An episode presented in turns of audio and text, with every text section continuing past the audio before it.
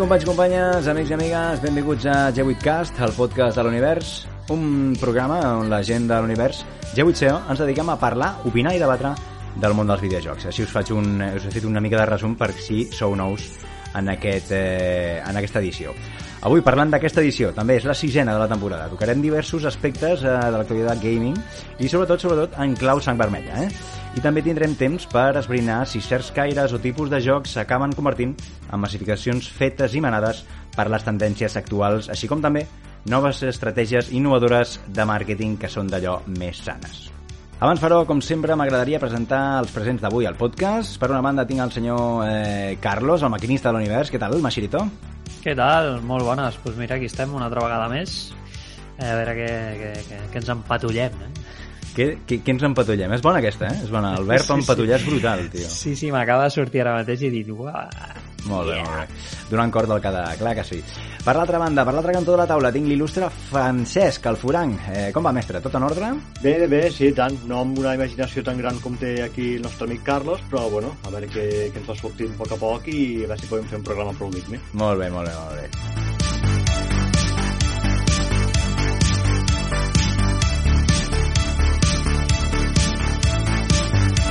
I va, anem a presentar concretament amb pèls i detalls el que tindrem avui al programa. Maxi, et fa de res agafar el relleu del Rockstar, el Ronin, i anomenar-me el sumari d'avui?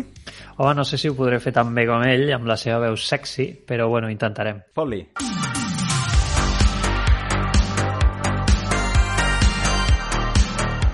Vinga, doncs, el Furang ens presentarà les novetats i full de ruta de Nintendo per aquesta temporada. Jo mateix voldré fer referència a la nova però malauradament poc sovintejada estratègia de màrqueting de segons quins títols fugint de les campanyes de fum a què ens tenen acostumats a tots la majoria d'empreses del sector. També reflexionarem sobre si els Souls likes estan de moda o directament estem entrant en un terreny pantanós de reiteració injustificable. I al final del programa farem una llista de recomanacions per als oients del programa. Genial, gràcies, Carlos. Eh, doncs som-hi, va. Eh, comencem el programa parlant del que proposa la multinacional japonesa Nintendo i comentarem el seu full de ruta de cara a aquests pròxims mesos. Arrel, també ja sabeu, doncs, eh, del seu showcase, altrament conegut com a Nintendo Direct del passat 8 de febrer. I com no, per fer-nos 5 cèntims, tenim el mag de sang vermella de l'univers, el senyor Furang. Va, Francesc, tot teu. Molt bé, doncs, bueno, com comentaves tu, Jari, el passat 8 de febrer vam tenir un Nintendo Direct que bàsicament són les presentacions estrella de Nintendo on ens mostren els videojocs que ens arribaran a la Switch els pròxims mesos, ja siguin exclusius, independents o aliens de la pròpia empresa, tot i que cada cop menys. No ens cal allargar-nos eh, gaire amb tot el que ens va ensenyar, perquè, clar, 45 minuts de presentació amb més d'una trentena de jocs mostrats donaria per fer un podcast exclusiva, però entre el Pikmin 4, els DLC de grans aventures com el Xenoblade 3 o el Mario Kart, per exemple, o un nou tràiler amb més informació del Tears of the Kingdom, Nintendo va mostrar clarament, però de forma bastant indirecta, les seves intencions de full de ruta a l'hora d'enfocar el que és el molt necessari eh, final de vida de la Nintendo Switch com són la resurrecció de franquícies que consideràvem gairebé mortes i enterrades, com per exemple el professor Layton, eh, remasters d'aventures consagrades a la companyia i del sector, com Byte Kaitos o el Metroid, els ports de videojocs de grans plataformes anteriors, com el Ghost Trick o algunes aventures de la saga Ethereum Odyssey, i una crida molt ferma a la vena nostàlgica dels jugadors i jugadores, portant, per exemple, tota la família de consoles Game Boy a Nintendo Switch Online. Per tant, ja tenim una de les primeres potes de la companyia per conèixer la seva estratègia de cara als pròxims mesos, que no pot ser altra que la nostàlgia. Lògicament, un factor molt positiu perquè ha crescut jugant a Nintendo o per la gent que no estigui acostumada a la història de l'empresa nipona, però eh, és una decisió bastant controvertida, per dir-ho d'alguna forma, de cara a fer de la Switch una consola més plural respecte a grans títols d'altres plataformes. Ara ho comentarem, sobretot amb el Machirito, que sé que també és un tema que li preocupa, així que jo crec que podem obrir aquest primer meló i a poc a poc anem desenvolupant més o menys la, la resta de, de full de ruta, no?, que vosaltres considereu que pot tenir Nintendo per aquests mesos? Sí, per exemple, parlem una mica entre tots. Eh, donaré pas ara al Masirito, que també, com ha dit bé el nostre company Furang, doncs és un clar consumidor i un afèrrim eh, doncs, eh, seguidor de Nintendo. Masirito, eh, què esperes? Què és el que més t'atrau eh, del que ha dit eh, en Furang i del full de ruta que té Nintendo actualment? Bueno, jo el que espero és que la, la eShop vagi bé. sí. bàsicament, Bueno, és ja- la meva patia. ja és un- ja és un pas, ja és no? algo, ja és algo, Sí, sí. és algo. Perquè és una cosa que em porta cremant... Eh, bueno, crec que ja ho vam comentar al podcast. Sí, anterior, sí, sí, eh? l'anterior. Uh -huh. que, bueno, el que, el que diu el, una mica el Furanc, no? que aquest, aquest primer, aquesta primera tirada d'any bueno, està força clara i jo crec que a Nintendo ja se li veu que està cremant els últims, no? podríem dir que els últims cartutxos, tot i que en té molts, no? perquè a Nintendo quan la cosa no li va massa bé sempre té cartes sota la màniga per treure, però vamos, té moltes sagues que podria ressuscitar i vendre lo, lo inimaginable. Llavors, bueno, jo crec que mm, eh, bueno, està, està molt bé el que van presentar. Generalment jo vaig veure el direct i, i em va agradar molt, sobretot bueno, el tema de, del Prime i bueno, que sí, que són jocs de qualitat, però bueno, com sempre Nintendo tirant de, de, de remakes i sagues ja conegudes, que com dic, està bé, però bueno, eh, sembla que són els cartutxos finals de, de, de la saga, diguéssim, de la Switch. No? Jo crec que aquesta gent de cara, no sé si finals d'any o meitat d'any, jo diria que cap a l'estiu, Mm -hmm. haurien... Bueno, és la idea que jo tinc, eh? eh Sí, recordo que ho vas comentar també. Sí. que presentaran un, un nou model de consola, però ja per, perquè és, és normal, o sigui, és, ja se li acaba, no, no pot donar de més ja aquesta consola. A nivell tècnic, eh? O sigui, Sí, sí, a clar. nivell de mercat poden estirar el que vulguin i poden estar venent, però clar, al final tindràs eh, desenvolupadores third parties que els hi estàs complicant la vida perquè han d'estar de- desenvolupant per una màquina que ja comença a estar desfasada. Ja es nota molt, per exemple, l'online, eh, bueno, la- part del, o sigui, l'aplicació de l'online, on te- tens lo d'agafar recompenses i coses d'aquestes, eh, va super igual que l'eShop, no és cap novetat. I bueno, eh, jo crec que està guai el que van ensenyar, sobretot de cara a la primera meitat d'any, i bueno, que, que, que encara té tirada la consola, Mm -hmm. però bueno, jo penso que ja aquesta gent ja està fent una mirada més enllà. Sí, eh, sobretot et queda la sensació, no?, que sí que és cert que van... Bueno, sobretot aquest esperat, no?, el Breath of the Wild 2, no?, i dius, ostres, eh, o t'imagines, si més no jo, que poder no sóc tan consumidor de Nintendo, me l'imagino, o me l'intento imaginar amb una consola més potent, no?, en aquest sentit. Que ara em direu, o els fans de Nintendo em diran, oh, però no cal, no?, eh, tenir una consola més potent que la que ja hi és, poder, poder m'ho direu, poder no, per gaudir d'allò més Breath of the Wild. I segurament que tingueu raó, eh? Però, ostres, eh, tot i així, un s'ho imagina, no? Un, un diu, hòstia, eh, i si, no sé, fem aquest pas definitiu, no? Per, per estar no competint amb, amb la resta a nivell de, de, de gràfica i tal, però sí està un, un, un pas més endavant no? de, del, del que ara la consola és en si, no? que del hardware aquest que, segons diu el, el nostre company Mashirito i d'altra gent, doncs creu que està un, un palet, si més no, desfasat de, de l'actualitat eh, gaming, no? Sí, o sigui, respecte a això que acabes de dir, si hi ha molta gent que potser et diu no, no cal. Bueno, no cal si l'únic enfocament que vols tenir de la consola és jugar. Però estem estant a l'any 2023 hi ha, hi ha més coses a part de solament jugar un videojoc. És a dir, has d'adaptar la teva consola a les necessitats que hi ha a dia d'avui. És a dir, parlem d'una consola que a dia d'avui no té un chat propi per fer partides, o sigui, per, per, fer una party de com un Discord. M'explico? Sí. hi ha moltes carències a la consola. I em refereixo que no només parlem de gràfics i de potència de, de, de, de gràfica i de textures i tot el que envolta un joc.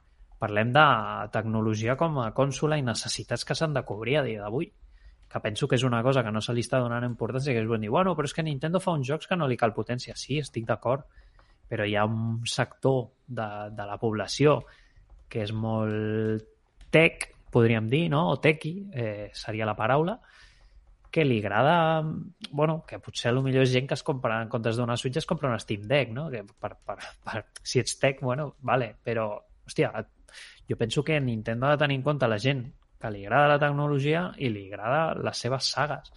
Llavors penso que, que han de fer un model de consola que estigui al dia de, de, a nivell tecnològic Mm -hmm. de les necessitats que, que, que corren a l'any 2023 i aquest model, en cas que el traguessin, jo crec que sortiria a 2024. Mm -hmm. 2024, eh? Tu què en penses, Frank, de tot això? I també m'agradaria repassar una mica el que vam veure en el Nintendo Direct i quin, quines són les vostres expectatives sobre, sobre els títols que, que sortiran. Digues, Frank. Bueno, abans de començar a llistar una mica els jocs eh, més macos que vam veure a Nintendo Direct, uh -huh. heu tocat aquests cinc punts que m'he anat apuntant perquè m'han semblat interessants de comentar. Uh -huh. El primer que heu comentat ha sigut el tema de la seqüela del Breath of the Wild. Uh -huh eh, que tu, Geri, comentaves el tema de, de que sempre t'agradaria veure en una altra consola, un altre model més superior i tal. No em de oblidar en cap moment que el Breath of the Wild és per la Wii U i que el port és per la Switch. Cert, cert, cert. Per, vale, això enca, encara amb més raó, no? Dius, hòstia, tio, és que, que Clar, és un portent de joc, tio. Això ens obre una petita, una petita escletxa, una petita finestra, una porta, com li vulgueu dir, mm.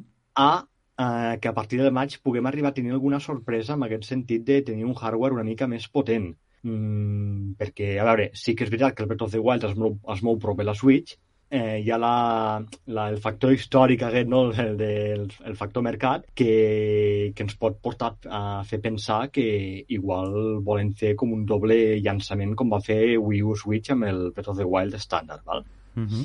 mm, a partir d'aquí que, que vagi dient el Machirito si està d'acord o no i ja ho comentem després, ¿vale? Després, el tema de que la eShop de la Switch és molt dolenta, és que no tinc res a dir perquè és veritat. Vull dir, no és normal que tu estiguis buscant eh, un videojoc i que se't cali la consola perquè el, el buffer estigui recarregant i et passis 20 segons perquè et carreguin nous jocs. O sigui, aquí res a dir. I això ja no és problema només de que tingui mal internet, mala connexió, que també, sinó és perquè la consola pobra no dona per de sí, no té prou opcions a l'hora de, de processar tota la informació i bueno, quan no et queda altra opció que, que carregar per nassos una, una sèrie de llistats, que et queda bloquejar-te i veure què passa. I ja està. I així n'ha Exacte. Sí, sí, totalment. Mm. Després, el tema Nintendo i la nostàlgia. A veure, personalment sí. penso que la Switch ara mateix és una consola que viu únicament de la nostàlgia i, de, mm, i dels ports d'altres consoles. D'altres consoles de la pròpia Nintendo, eh? Mm. mm. No em sona que hi hagi hagut cap altra consola de la pròpia companyia que hagi tingut tants ports de tanta cosa i d'altres tantes plataformes anteriors. Que pot ser sí, eh? però ara mateix no, no, així en fred no em ve cap. I tu creus que és per, perquè volen conservar aquesta nostàlgia o perquè directament a nivell empresarial diuen de moment amb això ja tirem? O poder una mica Home, de, les, de les altres vessants, clar. Això també... Clar, a veure, has de pensar que, per exemple, si amb tres ROMs mal comptades amb un cartutx et venen un milió d'unitats el primer cap de setmana, doncs clar, Nintendo això ho veu i diu, ostres, doncs el nostre sector de mercat el que vol són ROMs a 60 euros, vale? mal ficades en un cartutx, uh mhm. -huh. eh, venudes, eh, jo què sé, mm, en un mes. Uh mhm. -huh. val? O sigui, jo crec que Nintendo veu molt això, llavors es va adaptar una mica a la que requerim els consumidors. Val? Si veuen que el Nintendo Switch Online ha, segons les dades de l'últim quart fiscal, ha augmentat, no sé si un 20 o un 30% amb noves subscripcions, sobretot pel tema d'incorporar els sistemes antics a la plataforma, doncs clar, ho veuen i diuen, clar, anirem donant ROMs antigues a la, a la gent. I si, clar, i si això ho podem aprofitar per fer coses com vam, vam veure el Metro, amb el Metroid Prime Remastered, doncs clar, molt millor, perquè la gent ens compra l'edició digital del, del Metroid Prime i, i al cap d'un mes, quan treguem la versió física, doncs la gent farà double dip. O sigui, compra mm -hmm. la versió digital i la física. Uh -huh. Ja tenim aquí la pasta per partida doble. Uh -huh. uh, un, un Metroid Prime, perdona que, que et digui que, que també va sortir el mateix dia que es va anunciar, no? Efectivament, sí, que això ho parlem després. Ho parlem després. Que... Sí, sí, sí, sí. Que per cert ha, ha sortit magnífic, no?, a, aquesta edició. Que, molt, que, molt, maco, molt maco. I... He vist, sí, eh, sobretot sí. he, he vist captures eh, de gent que segueixo per internet i tal, eh, i, bueno, per Twitter, bàsicament, i també alguns companys eh, doncs, que n'estan parlant meravelles. Sí, sí, ha, sortit molt bé, ha sortit molt bé. Es nota molt que hi han ficat molt, que Retro Studios ha ficat molt carinyo. A mi, personalment, no m'importaria que fessin més remix així, eh? Remix, remasters, com li vulgueu dir. A mi no m'importaria, però ja sabeu que jo soc molt nostalfac i li mola molt tot el tema retro. Mhm. -huh. però també entenc que hi hagi gent cabrejada perquè, escolta, tens el Metroid Prime aquí, eh, Metroid Prime 4, perdó, que fa, no sé si, jo què sé, dos anys, tres, que el van anunciar, mhm. -huh. o que van dir que l'estaven fent i tal, i no tenim un trist tràiler per intentar-nos eh, vendre una miqueta. bueno, tenim el logo, però d'aquí al logo hi ha una diferència bastant gran. Però bueno. està, està clar, està clar. Masi, què volies dir? Eh, I Game Boy, eh? Game Boy a l'online. Com? Game Com, Boy, perdona? Game Boy Advance. Bueno, res, les consoles virtuals. Ah, vale. Eh, vaig perdut amb això. Va, Van afegir la, la Game Boy i la Game Boy Advance, la Game Boy per l'online normal i la Game Boy Advance pels, pel Plus, online Plus, crec que es diu. Ah, vale. Això no ho sabia, veus? Sí, eh. eh, abans era Nintendo, Super Nintendo i Nintendo per l'online i després van afegir el Plus eh, Mega Drive i Nintendo 64 uh -huh. i, i ara han afegit Game Boy a l'online i Game Boy Advance al, al Plus també. Mm, no, no us dona la sensació que ho han volgut fer com... Bueno, ampliar aquesta, aquesta oferta no? de, de online, bueno, entre cometes, tot i que poder no, no acaba bueno, de quallar bé la fórmula? És un afegit, és un afegit a, bueno, al, al servei online de Nintendo que, bueno, des del meu punt de vista, a veure, comparat amb la resta, és prou econòmic i sí que té... Bueno, al final és el del desat dels, del, dels guardats al cloud uh -huh. i poder jugar online amb, amb la gent i, i té aquest servei amb el que pots jugar eh, els jocs de, bueno, els que tenen un catàleg de Nintendo, Super Nintendo, Nintendo 64, Mega Drive i ara uh -huh. les Game Boys, uh -huh. on te pots jugar també online a aquests jocs els que, els que estan online. Llavors, bueno, eh, pel que fa als jocs, eh, bueno, van, van treure coseta, eh? eh bueno, Pikmin 4, jo esperava molt, bueno, i continuo esperant el Bayonetta Origins, que té molt bona pinta, que és un joc que em va cridar molt l'atenció. Soc fan de Bayonetta i aquest em va cridar bastant l'atenció. El Dead Cells, el, el DLC del Return to Castlevania, que bueno, eh, té molt bona pinta, que passa que no he jugat res de Dead Cells i hauria de fer-ho tot i fa una mica mal, eh? però té, té un pintot brutal. Sí, no? Després eh, més contingut a l'Splatoon 3, que, que ha sortit molt guai. Eh, què més? L'Advance War, al final ja té data, eh, que encara no se sabia res. Mm, varis, varis. I... A mi sobretot el que em va cridar molt va ser el Dead Cells, aquesta mena de sinergia no? amb Castlevania. Em sí, va, correcte. Em va cridar molt sí, l'atenció, tio. Mm, hòstia, sí, recordo... Sí, té, té bona recordo, pinta. Hòstia, a nivell sobretot d'art, és, és flipant. Clar, tot això que heu comentat de jocs que molen i tal, doncs està molt bé, està molt, bueno, és molt lloable, però personalment penso que és com una espècie de forma de tapar la falta d'ambició que, que hi ha a l'hora de fer ports d'altres eh, videojocs molt potents per la, per la plataforma. Eh, el primer any de vida de la Switch, per exemple, vam aconseguir moure un The Witcher 3 a la consola que ni, ni de conya s'ho creia ningú que jo seria capaç de moure un món com el del Witcher. Mm. Vale. Eh, I de fa uns anys cap aquí eh, penso que no tenim cap exemple tan gros de port ben fet. bueno, hi ha el Dying Light, per exemple, però... Bueno, el Dying Light? L'1 o el 2? L'1, l'1.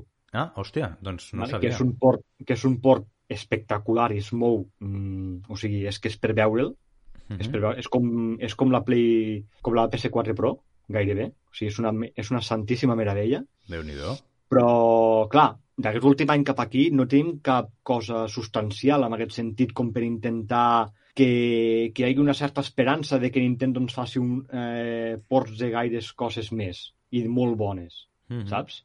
Bueno, Llavors, al final jo crec que és... Tot... Digues, digues. Bueno, jo crec que és una mica aquest, aquesta última tirada és Nintendo fent de Nintendo perquè, sí, bueno, sí, sí, per exemple, això... el Kirby Return to Dreamland Deluxe i el Metroid Prime Remaster, bueno, sí, estan molt bé perquè Nintendo sap mimar i cuidar les seves sagues, però, bueno, no deixa de ser ja una miqueta més de lo mateix que, bueno, que, que és el que tu dius, eh? No, no, últimament sembla que no ens, no ens estan donant allò que ens tenien acostumats fa uns anyets, com per mi, bueno, has mencionat ports, eh? però per mi el millor és el Doom. Sí, tant. Home, Penso que tècnicament és el millor port que s'ha fet a la Switch. Sí, sí.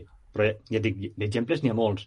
El tema és que, el que comentes tu, Maxi, és això, que ara s'han bueno, aferrat amb aquesta idea d'agafar jocs antics, ficar-los un petit DLC o una petita expansió, ficar-te un cartutx 46-60 euros de sortida, venga, a vendre com a xurros. Clar, i aquí hi ha un problema molt gros, perquè la gent em perdonareu moltíssim per la gent, som idiotes, ho comprem molt, ho consumim moltíssim perquè ens agrada, perquè ens toca la patata, i, clar, això la, la gran N ho veu moltíssim, i mm. continua fent aquesta estratègia de tancar files i bueno, d'intentar tenir un final de la Switch doncs, mm, per tot l'alt.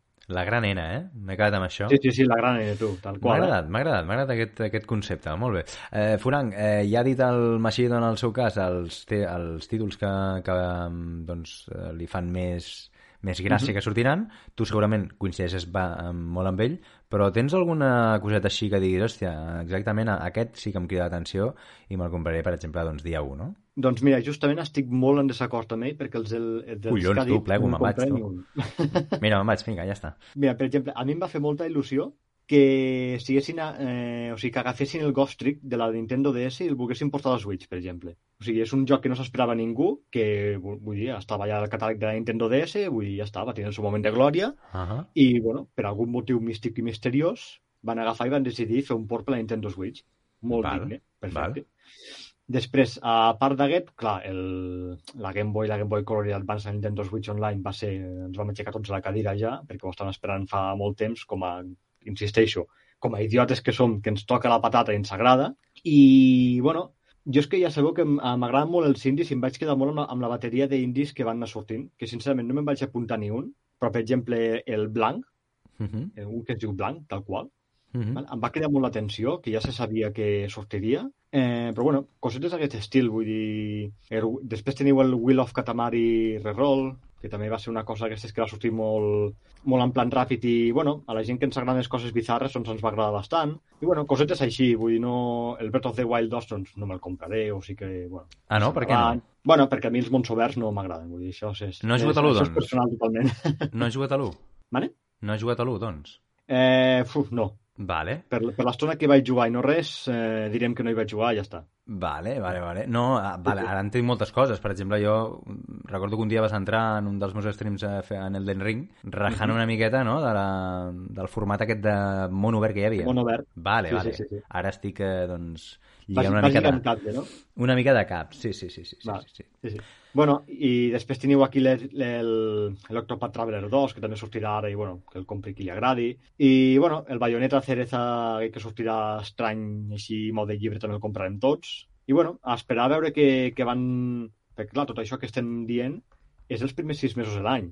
A partir dels sis mesos posteriors no tenim cap anunci gros o cap cosa que destacable. Així que, bueno, el full de ruta per mig any el tenim ben plasmat, sabem més o menys l'estratègia que, que pot tirar, i ara falta esperar pues, un Nintendo Direct eh, potentillo per mitjans d'any i a veure com, com van rematant aquest final de vida, aquest final de cicle, no?, del que ja és la tercera millor consola de la història. I tu traient pit, eh? Com t'agrada, eh, lladre? Sí, bueno, ja que hi som. Ja que, hi, ja que hi som, diu. Molt bé, molt bé, molt bé.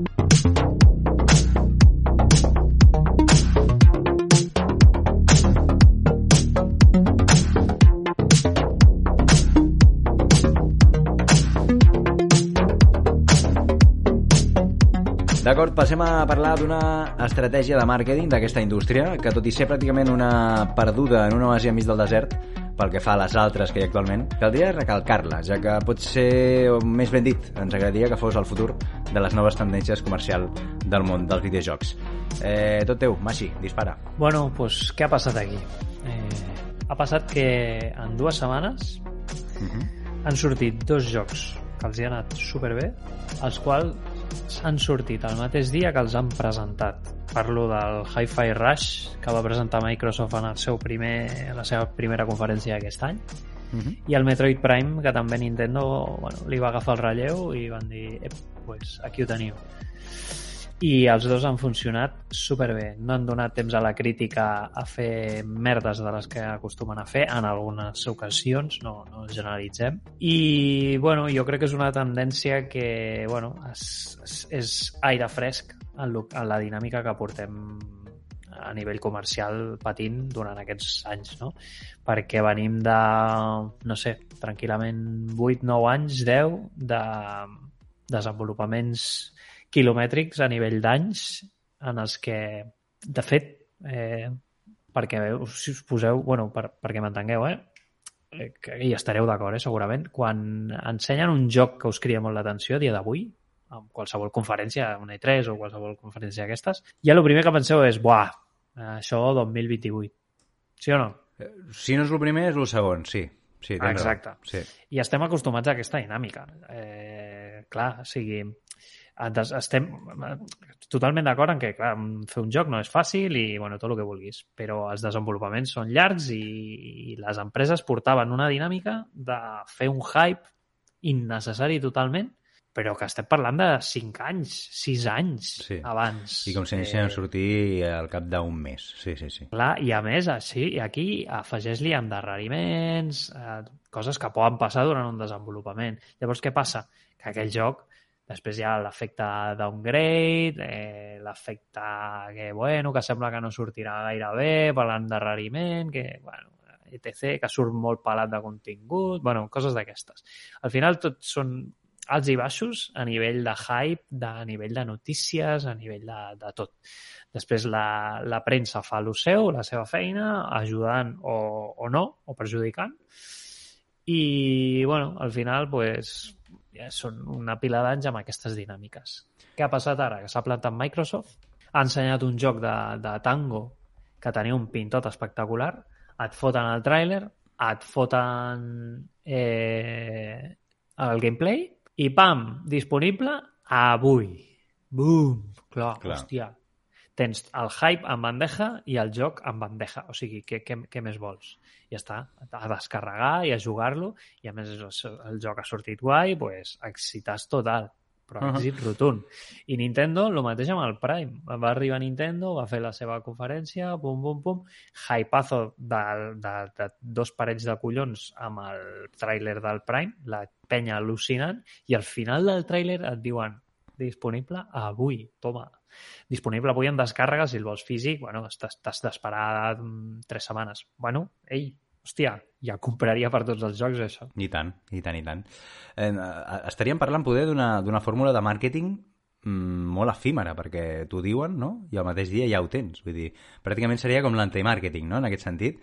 O sí, però una altra versió, com, com no tan tòxic, poder, poder també per lo que has dit tu, no?, el tema de, el tema de, de que no cal... Bueno, que, que gràcies a això no hi haurà tan, tanta cosa tòxica poder pel mig, tantes va, no sé, o, tan, o poder Exacte. no, no crear tant treus- hype eh, poder en, en, en vídeos eh, no dic infumables, però poder que al cap i a la fi eh, si tu tens una expectativa perquè crees una expectativa i al final doncs al final hi ha un, un, un downgrade no diem ni molt ni poc, doncs poder ja baixa una mica el suflé, no? Simplement el tens allà, és la manera efímera de presentar el teu producte, no?, en aquest sentit, i, i, i pot, estar, pot estar prou bé. Estaríem parlant com mar... la- l'antimàrqueting del màrqueting, no? Una mica, una mica aniré per aquí, eh? Correcte, sí, aniria per aquí una mica el, el tema. Eh, potser jo no ho faria amb tots els jocs, evidentment, perquè no, no, no hi ha temps no hi ha temps físic i, bueno, també està bé que la gent vagi sapiguent quines coses van desenvolupant o que, quins plans hi ha en marxa i, i això està bé. Però, bueno, deixar una mica de banda això del hype aquest innecessari de trailers, de coses de 2020 i pico, tal, i ensenyar un tràiler perquè sí, eh, cinc anys abans. Bueno, ensenya algú quan tinguis algú que ensenyar realment. Penso jo, eh? Sí, sí, totalment d'acord. Perquè ara us imagino, per exemple, jo què sé, parlant de Play, eh? un State of Play, que tu no saps de què va, o més o menys ho pots eh, esperar per, per insiders o per certes filtracions, que això eh, avui en dia per, sembla que és inevitable, et diuen, ostres, et presenten, jo què sé, eh, un nou títol exclusiu eh, en State of Play i que el pots eh, comptar a partir de les 12 de la nit. Hòstia, doncs Hòstia. això seria brutal, no? Clar, clar. Jo penso Clar. que aquesta dinàmica l'aniran afegint. Sí, ara. però a nivell d'empresa no sé si pot vendre tant, perquè, clar, les, No. la, els preorders no hi seran. No, no, això és el que comento. Eh, Saps? Això es farà i està guai, però amb jocs puntuals. Clar, és que a nivell d'empresa tampoc sé si això tindria molt de futur. Si ho Clar, fessin amb exemple, tots, eh? Si ho fessin amb tots. Eh, si Sony ho hagués fet amb, m'ho invento, amb el Kena, ho hagués Mhm. patat. Si ho hagués fet amb el Kena, ho hagués patat igualment. Sí, o perquè al amb, final el, són jocs amb el, o amb que- l'Stray, també, no? Sí, sobretot, bueno, potser mm, noves IPs o bueno, jocs que no són triple A, poder, o, o remakes, com ha fet el, en el cas de Nintendo. Jocs que, en els que, bueno, eh, no són uns desenvolupaments de tres parells de collons, perquè no, no, no, no té sentit, perquè al final tires per terra tota una campanya de màrqueting que ha d'anar acompanyant aquell, aquell joc en tot moment, però potser no exagerar-la tant com estaven fent aquests últims anys i eh, compensar una miqueta eh, tota una conferència amb un regalet com aquest, que jo penso que està molt bé, amb jocs petits, indis, no... Sobretot si són desconeguts i ningú s'ho espera i pam, aquí tens, au. que també serveix, perdona, d'una manera per, per provar aquest, aquesta estratègia, no? Per ensenyar la puteta del rotllo, en el sentit, eh, això funcionarà o no? Va, anem a provar-ho. Bueno, saps? sí, a més pots tenir l'efecte de que molta gent que abans deia, bueno, un state of play, pff, bueno, total, perquè parlin d'aquest o de l'altre, i ara, a lo millor, bueno, ja, a Sony perquè encara no ho ha fet, no, no, no s'ha sumat al, al d'això, que esperem que sí, no? Però Sí, evidentment, he dit ara- Sony, però ara- podria ser un altre. ara molta gent que a lo millor no tenia gaire fe amb la conferència de Microsoft que va fer a principis d'aquest any, eh, hòstia, ara s'apunti al carro i s'animi a veure, perquè a lo millor hi ha una sorpresa que, saps? No Mm. sé, una mica eh, que, la gent pues, pues, li agafi una mica més de confiança, no?, aquestes coses. Estaria, estaria prou bé. Abans de passar-li la pilota al Furanc, també recordo una estratègia de màrqueting que no sé si era volguda, no ho crec, perquè això és, bueno, seria, seria bastant cínic per la seva part d'aquesta desenvolupadora, eh, que és com Xenoblade Chronicles 3, eh, que aquest matí li he preguntat al, al Rockstar, al meu company, eh, quin, quin títol era exactament, perquè jo recordo que en, en el passat eh, podcast i en alguns també dels passats podcasts ho va dir, que és el fet de treure'l abans, o sigui, anunciar-lo per una data qualsevol X i treure'l un mes abans, no? o dos mesos abans. Que això jo crec que, que, que, que, no, que, crec que no està, no està planificat, però també cal recalcar que això podria algun dia passar, i no només que sigui una efemèride, no? Dir, també Sí, és bé. que de fet és l'únic joc, o sigui, si t'ho preguntes, un joc que s'hagi adelantat a Xenoblade 3, per, però, perquè és que és l'únic que jo recordo que, que li ha passat això. En el món del gaming, no? Poder? Clar, clar, exacte. O sigui, un joc que, bueno, mira, doncs ja creiem que ara mateix està guai per sortir i ja no li cal més, eh, ja han fet totes, totes les proves i, bueno, ja, ja està per sortir al mercat, doncs endavant, doncs el traiem abans, o sigui, pam, canviem la data. O això ser i... una mica cínic, no? I dir, mira, posem aquesta data, però segurament el tindrem abans. I quan el tinguem, pam, el traiem. Pot Saps? ser, No sé, sí, sí. no sé. Hi ha certes coses que es, que es podrien millorar, eh, si més no, de cara, de cara al consumidor, no? Que això crec que és el més difícil i el més improbable, malauradament, avui en dia. Francesc, digues. No, no, no, jo simplement vull ficar aquí tres apunts perquè heu fet aquí una, una explicació molt digna i molt, molt espectacular i clar... Moltes gràcies, a moltes gràcies. Una cosa i dic igual la lío parda, no? No, bueno. no. Simplement, eh, bueno, tres puntets només, ¿vale? Eh, a mi del tema Metroid i Nintendo em fa relativa gràcia que ara mateix agafem com a exemple de, de bona praxis en el món de la, bueno, de la comunicació, de la, del màrqueting o com li vulgueu dir, el Metroid Prime Remaster, perquè recordem, bueno, al principi del, del, del podcast us he dit que el Metroid Prime 4, bueno, fa... Simplement tenim un, tenim un logo, un tràiler de 43 segons on només es veu el logo del joc. 43 segons, això ho tens... Hòstia, ho tens clavat, això, eh? Se't nota? Sí, sí, sí, mentre ho estàveu explicant ho he buscat, a més, vull dir, per, per acabar-ho de, Ara, ara, ara. de Vale, bé. vale, m'ho crec més. És del 13 de juny del 2017, el Metroid Prime 4, Hòstia! vale? Aleshores, em, em fa, no sé, és una mica irònic, no?, que Nintendo ara hagi intentat agafar eh, una cosa de la franquícia Metroid i que la gent ho estiguem agafant com a bona praxis de la, del sector, vale? Simplement Una, una idea que treu a l'aire i que cada qual aquí analitzi i que, i que Sí, en tregui sí. conclusions, vale? Després, el tema que dieu d'adelantar jocs, sí, ara mateix l'únic que potser tenim així en ment tothom és el Xenoblade Chronicles 3 i personalment eh, les úniques opcions també que tinc en ment són algunes edicions físiques, alguns videojocs independents però molt puntuals i ja està, vull dir, tampoc tinc cap exemple gros que puguem agafar com a exemple més enllà d'aquest que, que comenta el Jordi, el Rockstar o, o el que heu comentat vosaltres dos. Així que, vaja, mm, si ens escolta alguna empresa gran i vol que la gent les recordi per alguna cosa ben feta, si us plau, adelanteu algun joc ni que sigui dues setmanes, que així tenim més, més xitxa pels pròxims podcasts, vale? Ara, ara, ara. Ara, ara. Doncs ara. queda, queda dita la seva, la seva demanda, eh? D'aquí a Sí, totes sí. les...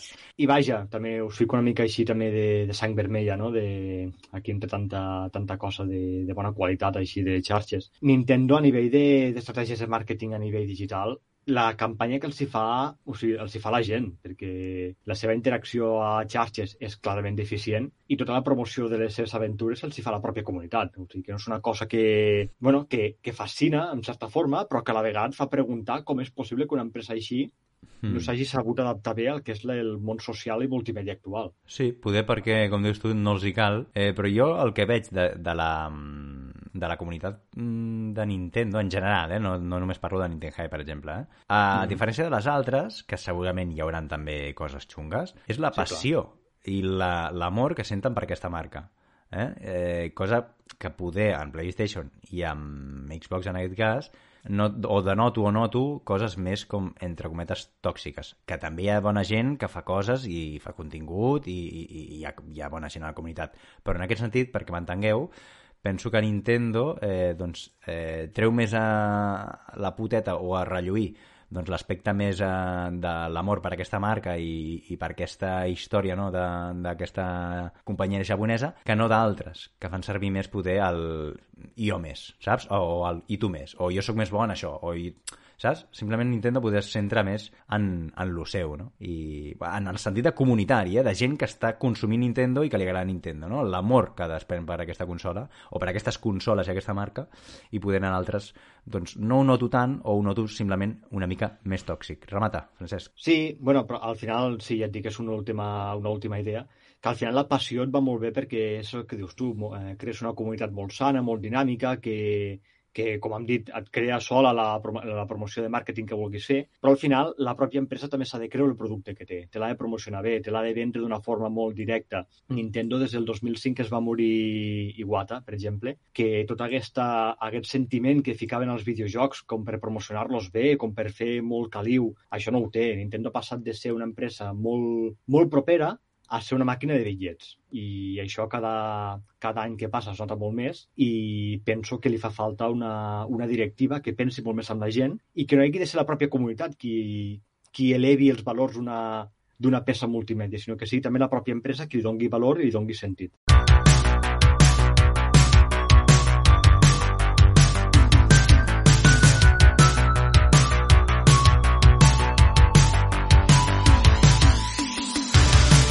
Va, ara m'agradaria reflexionar sobre la gran quantitat de llançaments del gènere Souls que estan a venti i que pròximament hi haurà al mercat.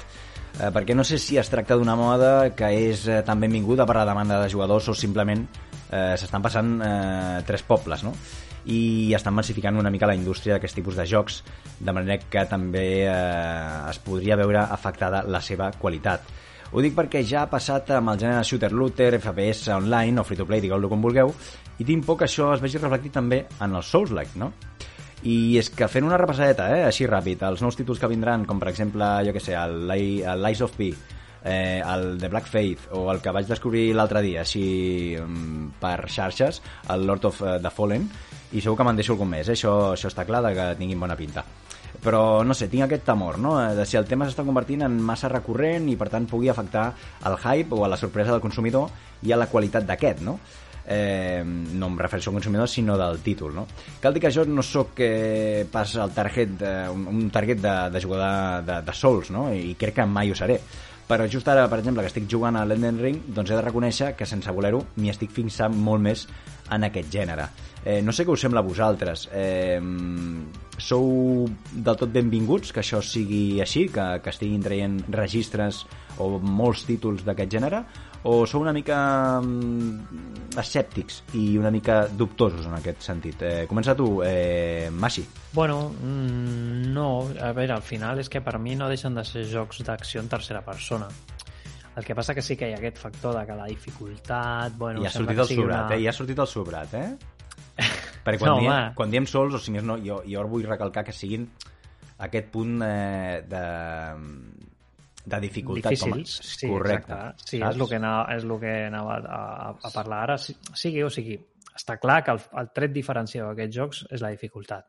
Però, bueno, a part de la dificultat, per ser un joc rodó, no, no, no només val ser que sigui difícil. Ha de ser un joc que tingui eh, una potència visual de bona qualitat, ha de ser un joc que tingui una narrativa que enganxi a la gent i una jugabilitat que és super important perquè els jocs que tenen aquesta dificultat han de tenir una jugabilitat brutal, han d'anar finíssims. Perquè, clar, te la jugues en mil·lèsimes de segon. Llavors, bueno, eh, sembla que From Software té la batuta a la mà, en aquest sentit, a fer jocs rodons i, bueno... Però el tema de la dificultat jo no trobo que sigui una cosa així esporàdica de moda, de... Eh, pensem que al Japó eh, el, aquest estil de jocs sempre han existit sempre els hi ha agradat molt. Això té un origen japonès brutal. Els jocs super difícils de, de, de màquines arcade, recreatives, jocs infumablement difícils de shooters de naus, de coses... Sempre, eh, eh, històricament, Buscar el a límit, Japó... no? Una mica buscar el Sí. límit Ah, de la exacte. persona, no? A nivell Llavors, de què ha frustració. passat? Què ha passat amb els Souls? Que, que aquesta, bueno, eh, són jocs que al final es, es van fer de cara a un públic japonès exigent i han tingut un èxit molt heavy a Occident. Llavors, bueno, eh, s'ha vist que ara aquestes empreses que feien aquest, aquests estils de joc, doncs ara tenen, poden vendre jocs a tot el món. És un estil que ara ja ven a tot el món. Mhm. Abans potser no tant, eh, o aquí a Occident ens agradaven uns altres tipus de jocs, tot i que, i, i no sé si recordeu, hi ha jocs de Super Nintendo que eren infumablement difícils. El Battletoads crec que és un dels jocs més difícils a, de, aquell, la, la, el nivell aquell de les motos. bueno, el, són, són jocs eh, difícils que aquí, bueno, eh, qui els jugava, vale, i qui no, pues, els deixava, però al final quan van evolucionar una miqueta més els jocs, aquí tot aquest tema de dificultat no es portava massa, eren jocs més, bueno, si, si més no, fins i tot fàcils. Però, bueno, han tingut molt, molt d'èxit tots aquests estils Souls i, i bueno, estan, estan triomfant. I, com us dic, jo crec que és un conjunt de coses. És que la dificultat ara està ben acceptada, perquè són jocs que ara ja són coneguts, hi ha un efecte, ei, un efecte com eh, que els hardcore gamers no, els han de jugar i passar-se'ls, no? i si no, és que no ets un hardcore gamer. Vale, hi ha aquest efecte, però hi ha l'efecte de que també són jocs de qualitat, perquè From Software, no només amb els, amb els Souls, sinó amb tot el que han fet a la seva història, eh, que inicialment feien els, aquests els dels meques, eh, que, que ara hi ha. El, Sí, el dels que- robots. Correcte. Eh, bueno, són, sempre han fet jocs de moltíssima qualitat. Llavors, bueno, si, si juntes una moda a Occident, no a Japó, que ara està ben acceptada i, i té tirón, més a un joc de qualitat a nivell jugable, a nivell narratiu, a nivell visual, eh, bueno, penso que no és, no és de casualitat que aquests jocs tinguin premis i estiguin reconegudíssims arreu del món. Sí, sí, està clar. Ja, ja dic que ara m'estic fixant més arrel de, o arran de jugar a l'Elden Ring i m'ha sobtat, no?, aquests dies a veure tant de, tant de tràiler i tal i qual. I mira, ho portaré al, al podcast, que segur que, que em podeu esclarir una mica la ment i la vista eh, i des del vostre prisma, no?, que vosaltres esteu doncs, eh, molt més acostumats a jugar aquest tipus de jocs. Francesc, digues.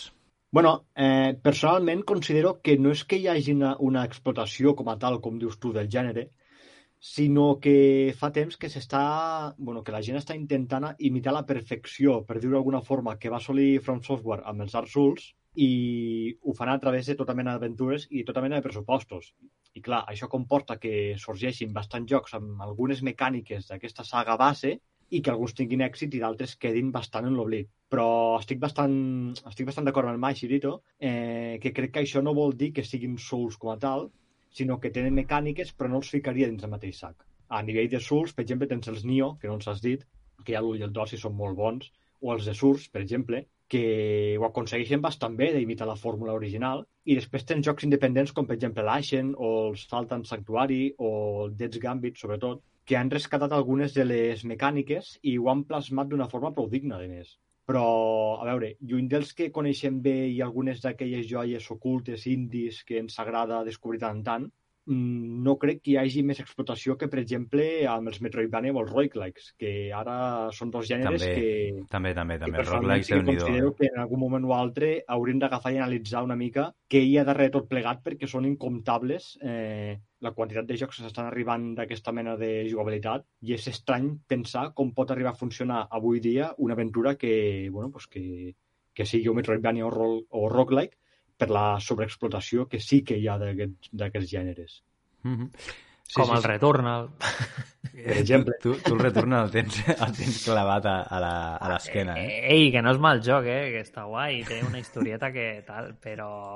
És, és, eh, no, no, tio, o sigui, no, no pot ser, no pot ser. Bueno, és igual, no, no entrarem en aquest tema, però se'ls hi va l'olla. I mira, que és una llàstima perquè està bé, eh? Sí, sí, per aquells qui no sabeu, eh, bueno, el Bachirito tenia molt, bueno, està molt il·lusionat amb el, amb el Returnal i es va quedar doncs, amb el primer boss, no?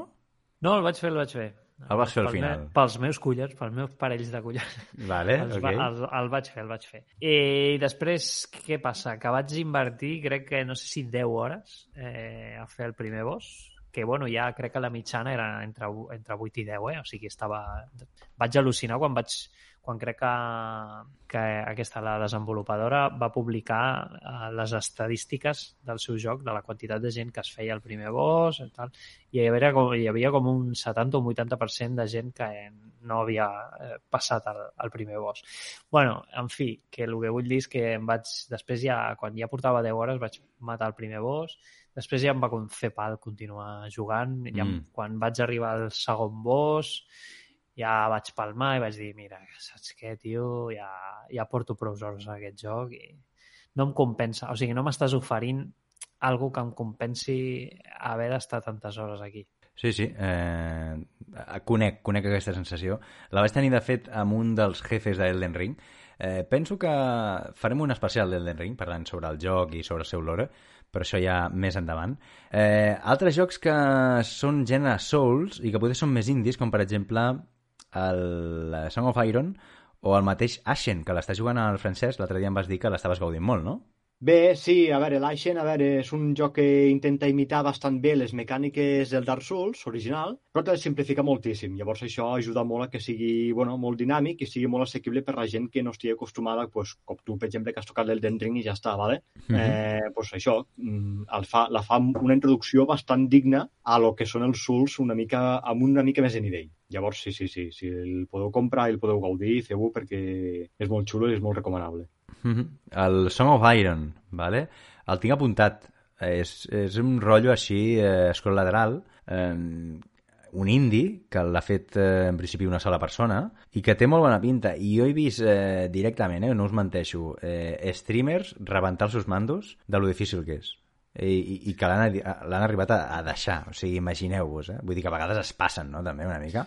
Sí, bueno, jo recordo un que no és, un, no és ben bé Souls, però ve de dificultat i, de, i a mi aquest em flipa, perquè aquest, a diferència d'alguns altres, com per exemple el Returnal, que l'acabes deixant, però perquè no et compensa, és el Cuphead. El Cuphead és un d'aquests primers indis, Mhm. crec que de fet va ser el primer que va arribar amb un nivell de dificultat super exigent i és brutal, o sigui, és difícil, vale? i pot arribar-te a frustrar perquè els bosses són brrr, fins que els hi pilla, o sigui, al final has de repetir-ho, repetir-ho, repetir-ho fins que ja és pràcticament memòria muscular perquè ja saps els moviments que fa cada Sí.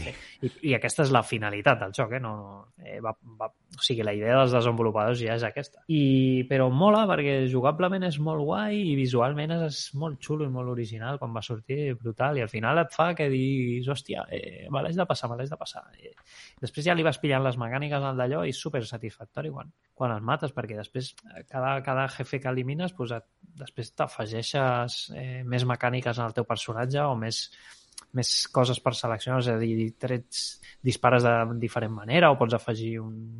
bueno, altres mecàniques que, que et faciliten el, el poder jugar i, i passar-t'ho amb més facilitat. Sí, sí, sí. Eh, Francesc, digues. Bé, no, jo volia agafar una mica, així per rematar el tema, volia agafar una mica el guant del Machirito i volia parlar també de una breu pinzellada de què considerem Souls i què no considerem Souls, perquè, per exemple, jo aquí el guió que tenia apuntat pel podcast, eh, quan us he fet la petita llista de jocs independents així amb la temàtica, amb la temàtica del, bueno, del, del que estem parlant, havia apuntat, per exemple, el Blasphemous o el Hollow Knight. I També, els he tret perquè També, també. Vale? Estava fent una, una introspecció i dic, ostres, això ho hauríem de considerar Souls o ho hauríem de considerar un Metroidvania amb les mecàniques dels Souls? Saps? Sí, clar. Jo abans de, de fer el guió també dic, hòstia, poso el Hollow Knight, per exemple, o no? O això seria més Metroidvania, no? Eh, jo crec que podia entrar dins el gènere, o, o si més no, en el que estem parlant avui, no? Que és el tema d'afegir un, una certa dificultat, no? Eh, simplement que t'arribi que, que arribi a, a, que t'hagis de superar tu mateix, no? Ja sigui a nivell de mental per la frustració que genera o perquè a nivell mecànic i jugable doncs necessites certa habilitat per, per anar-te passant eh, els nivells, no? Bueno, que al final eh, tema de dificultat està amb l'exigència, vull dir, són coses molt diferents. Una cosa són pics de dificultat que té eh, la pròpia aventura per ficar-te a prova, per lògicament saber si pots avançar o no, i l'altra l'exigència que, per exemple, et permet fer el Hollow Knight, que el Hollow Knight eh, de fet el podries passar sense cap millora. Però això tu, no? Que al, disposar, al disposar de mecàniques Metroidvania, lògicament, eh, per avançar et farà falta certes habilitats o certes tècniques de, de lluita, però a veure si se m'entén el que vull comentar. Que una cosa és eh, que el propi joc tingui pues, moments on la dificultat es dispari expressament i l'altra que durant tota l'aventura sigui una cosa exigent però que a base de, de repetir i d'aprendre dels errors mmm, pues, puguis arribar pues, al final d'una forma molt satisfactòria. Sí, sí. Vale, ho matem ja? Voleu dir alguna cosa més? Bueno, no, jo per fer el tema de què és un Souls, què no és un Souls, penso que és un tema més personal no, de cadascú, perquè jo per mi tots els jocs, per exemple, per mi Hollow Knight és un... Bueno, jo, jo, jo els categoritzo com a roguelike, que al final són jocs en els que el que fa és penalitzar-te el fet de morir, no? Eh, I sobretot, bueno, si és Metroidvania, bueno, però eh, els jocs aquests on la, dific la dificultat està en que quan palmes has de tornar-ho a fer, hi ha gent que els hi diu Souls, però bueno, jo per mi són roguelikes. Eh, després d'estar el concepte Metroidvania, que és, jo penso que està més enfocat al, al disseny de nivells. Però per mi un Souls també. és un joc on té tots aquests conjunts, bueno, potser el Metroidvania no, eh, evidentment, sinó el roguelike, però no deixa de ser un joc d'acció en tercera persona. Per mi això és un Souls.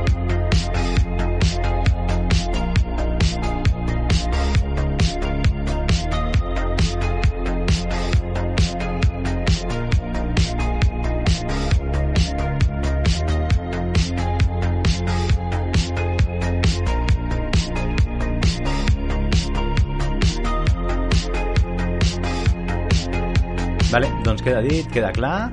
I ara passem a parlar dels jocs que volem recomanar, ja sigui perquè els estem jugant o perquè ja els hem jugat i diem, ostres, eh, doncs eh, val la pena, val molt la pena aquests títols doncs recomanar-los a l'audiència més, més fidel. Eh, si et va bé, eh, comencem per tu mateix. Mashi, eh, quins, quins jocs vols recomanar? Pues jo no puc deixar de recomanar un altre durant aquests dies que no sigui el Hi-Fi Rush molt xulo, és molt guai. El vaig baixar el dia següent a la presentació a Microsoft.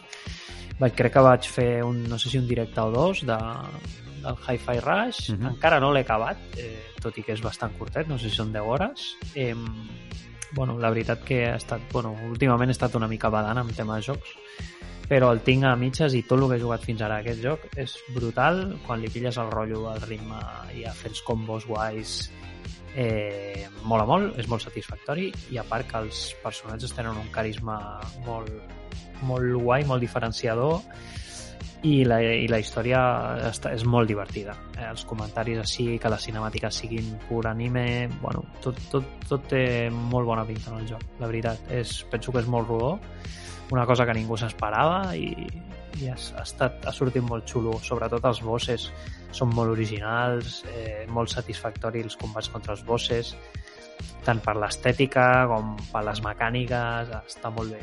I per altra banda, això pels, pels més, potser pels PC, bueno, no, té per què ser PC, però jo el jugo PC, però el Warzone 2 Mm. Ara ha tret nova temporada.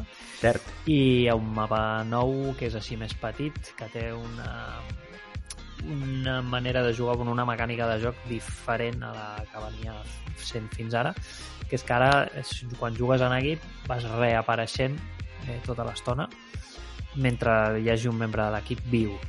Llavors, vale. bueno, li dona un toque més acció frenètica i el mapa és molt més petit amb el que et trobes mogollon de penya. És a dir, pels que estan acostumats a jugar a modes d'aquests de de a muerte por equipos i coses d'aquestes dels duties, amb aquest mode disfrutaran com, com burros. Jo m'ho estic passant molt bé a les, les partides que hem fet. De fet, vam guanyar una, la primera. Felicitats. Està molt guai, eh? Ja he guanyat una al Warzone. Tenia la, la negra amb això. I, bueno, crec que ha mantingut l'altre mapa, també es pot jugar la, el que es venia a jugar fins ara.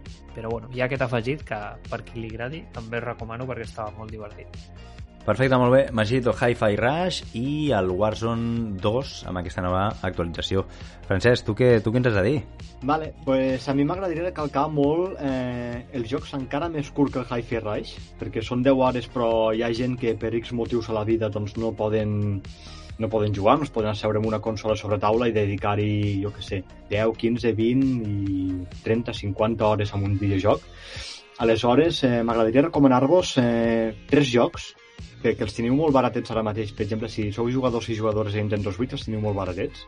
Que el primer... Bueno, són dos d'Anapurna i un que us deixaré pel final. El primer es diu Telling Lies, que no sé si l'heu jugat vosaltres. Em sona, em sona.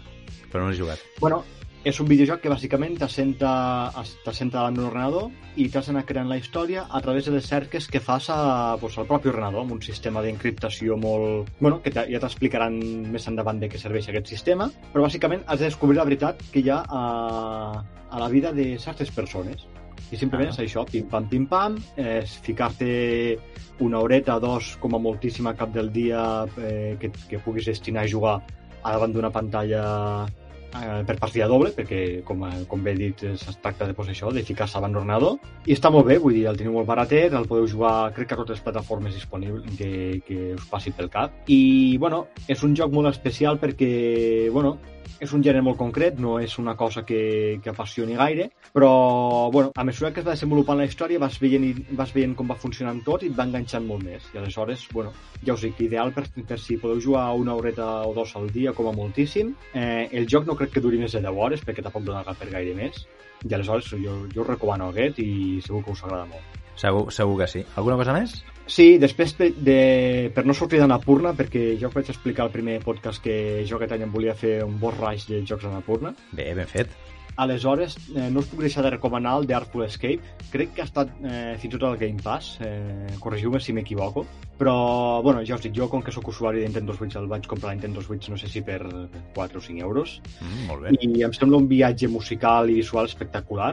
Dir, la típica cosa que agafes perquè així una mica amb la incògnita no saber què et trobaràs i t'acabes trobant un viatge molt maco, molt respectable no t'explica una gran història ni té una, una ambició sentimental gaire, bueno, gaire forta, però és el típic joc que, eh, joc perdó, que agafes eh, i amb 3-4 hores el tens petat i per una altra cosa. T'ho has passat bé, has passat una bona estona i ja per una altra cosa. Val? O sigui que si el podeu jugar i a la plataforma que sigui, agafeu-lo i el gaudireu moltíssim. Molt bé, per, perfecte, queda dit. Eh, per part meva, doncs fa, farà aproximadament dos mesos que estic jugant al Den Ring. No cal recomanar-lo perquè tothom sap de què va i de què es tracta i, i les coses que, que hi han i que no hi han. Però només he de dir que mm, qui tingui dubte de jugar-lo, que el jugui. Només, només diré això, que el provi, encara que no sigui fan del Souls-like, com hem dit avui, com n'hem parlat eh, bastant, però que el provi, únicament que el provi. Eh, I ja està. Res més. Amics i amigues, companys, companyes, ho anirem deixant aquí, d'acord? Eh, moltes gràcies a tots i a totes per escoltar-nos, per seguir-nos. Eh, abans de dir les xarxes, eh, com sempre m'acomiadaré dels dos fantàstics que avui tinc aquí. Per una banda, el senyor Machirito, moltes gràcies, tio, com sempre, per, per, bueno, per eh, compartir la teva saviesa amb tots nosaltres. De res, home, un plaer. Eh? Sempre aquí a tope amb l'univers. I també, Francesc, moltes gràcies a tu també, evidentment. Gràcies. El, el, el, el Mac. Tot i no poder compartir gaire saviesa, que en so, el savi sou vosaltres, però bueno, aquí estem intentant defensar el títol, va. Aquí només improvisem. Està clar, sí, no? està clar, està clar. En fi, deixem-ho deixem ja aquí, que si no encara ens enramparem una mica. Eh, moltes gràcies. Eh, abans de tot, això sí, recordar-vos que ens podeu seguir per Twitter, el dia a dia de l'univers, ens podeu seguir evidentment a YouTube, que si no esteu escoltant aquest podcast a través d'aquesta plataforma, doncs també ens podeu escoltar doncs, a través de e-books, eh, Apple Podcasters i Spotify, i també doncs, a Instagram per si voleu eh, doncs, compartir o, o voleu veure les, els screenshots screenshots i l'art també doncs, que traiem nosaltres dels videojocs. Uh, això també abans, uh, per Twitch també, que, que estem fent també doncs, uh, directillos i això que sempre fa una mica més de comunitat i que sempre va bé. Així que res més, moltes gràcies a tots i a totes, un altre cop, i a reveure, xau, xau!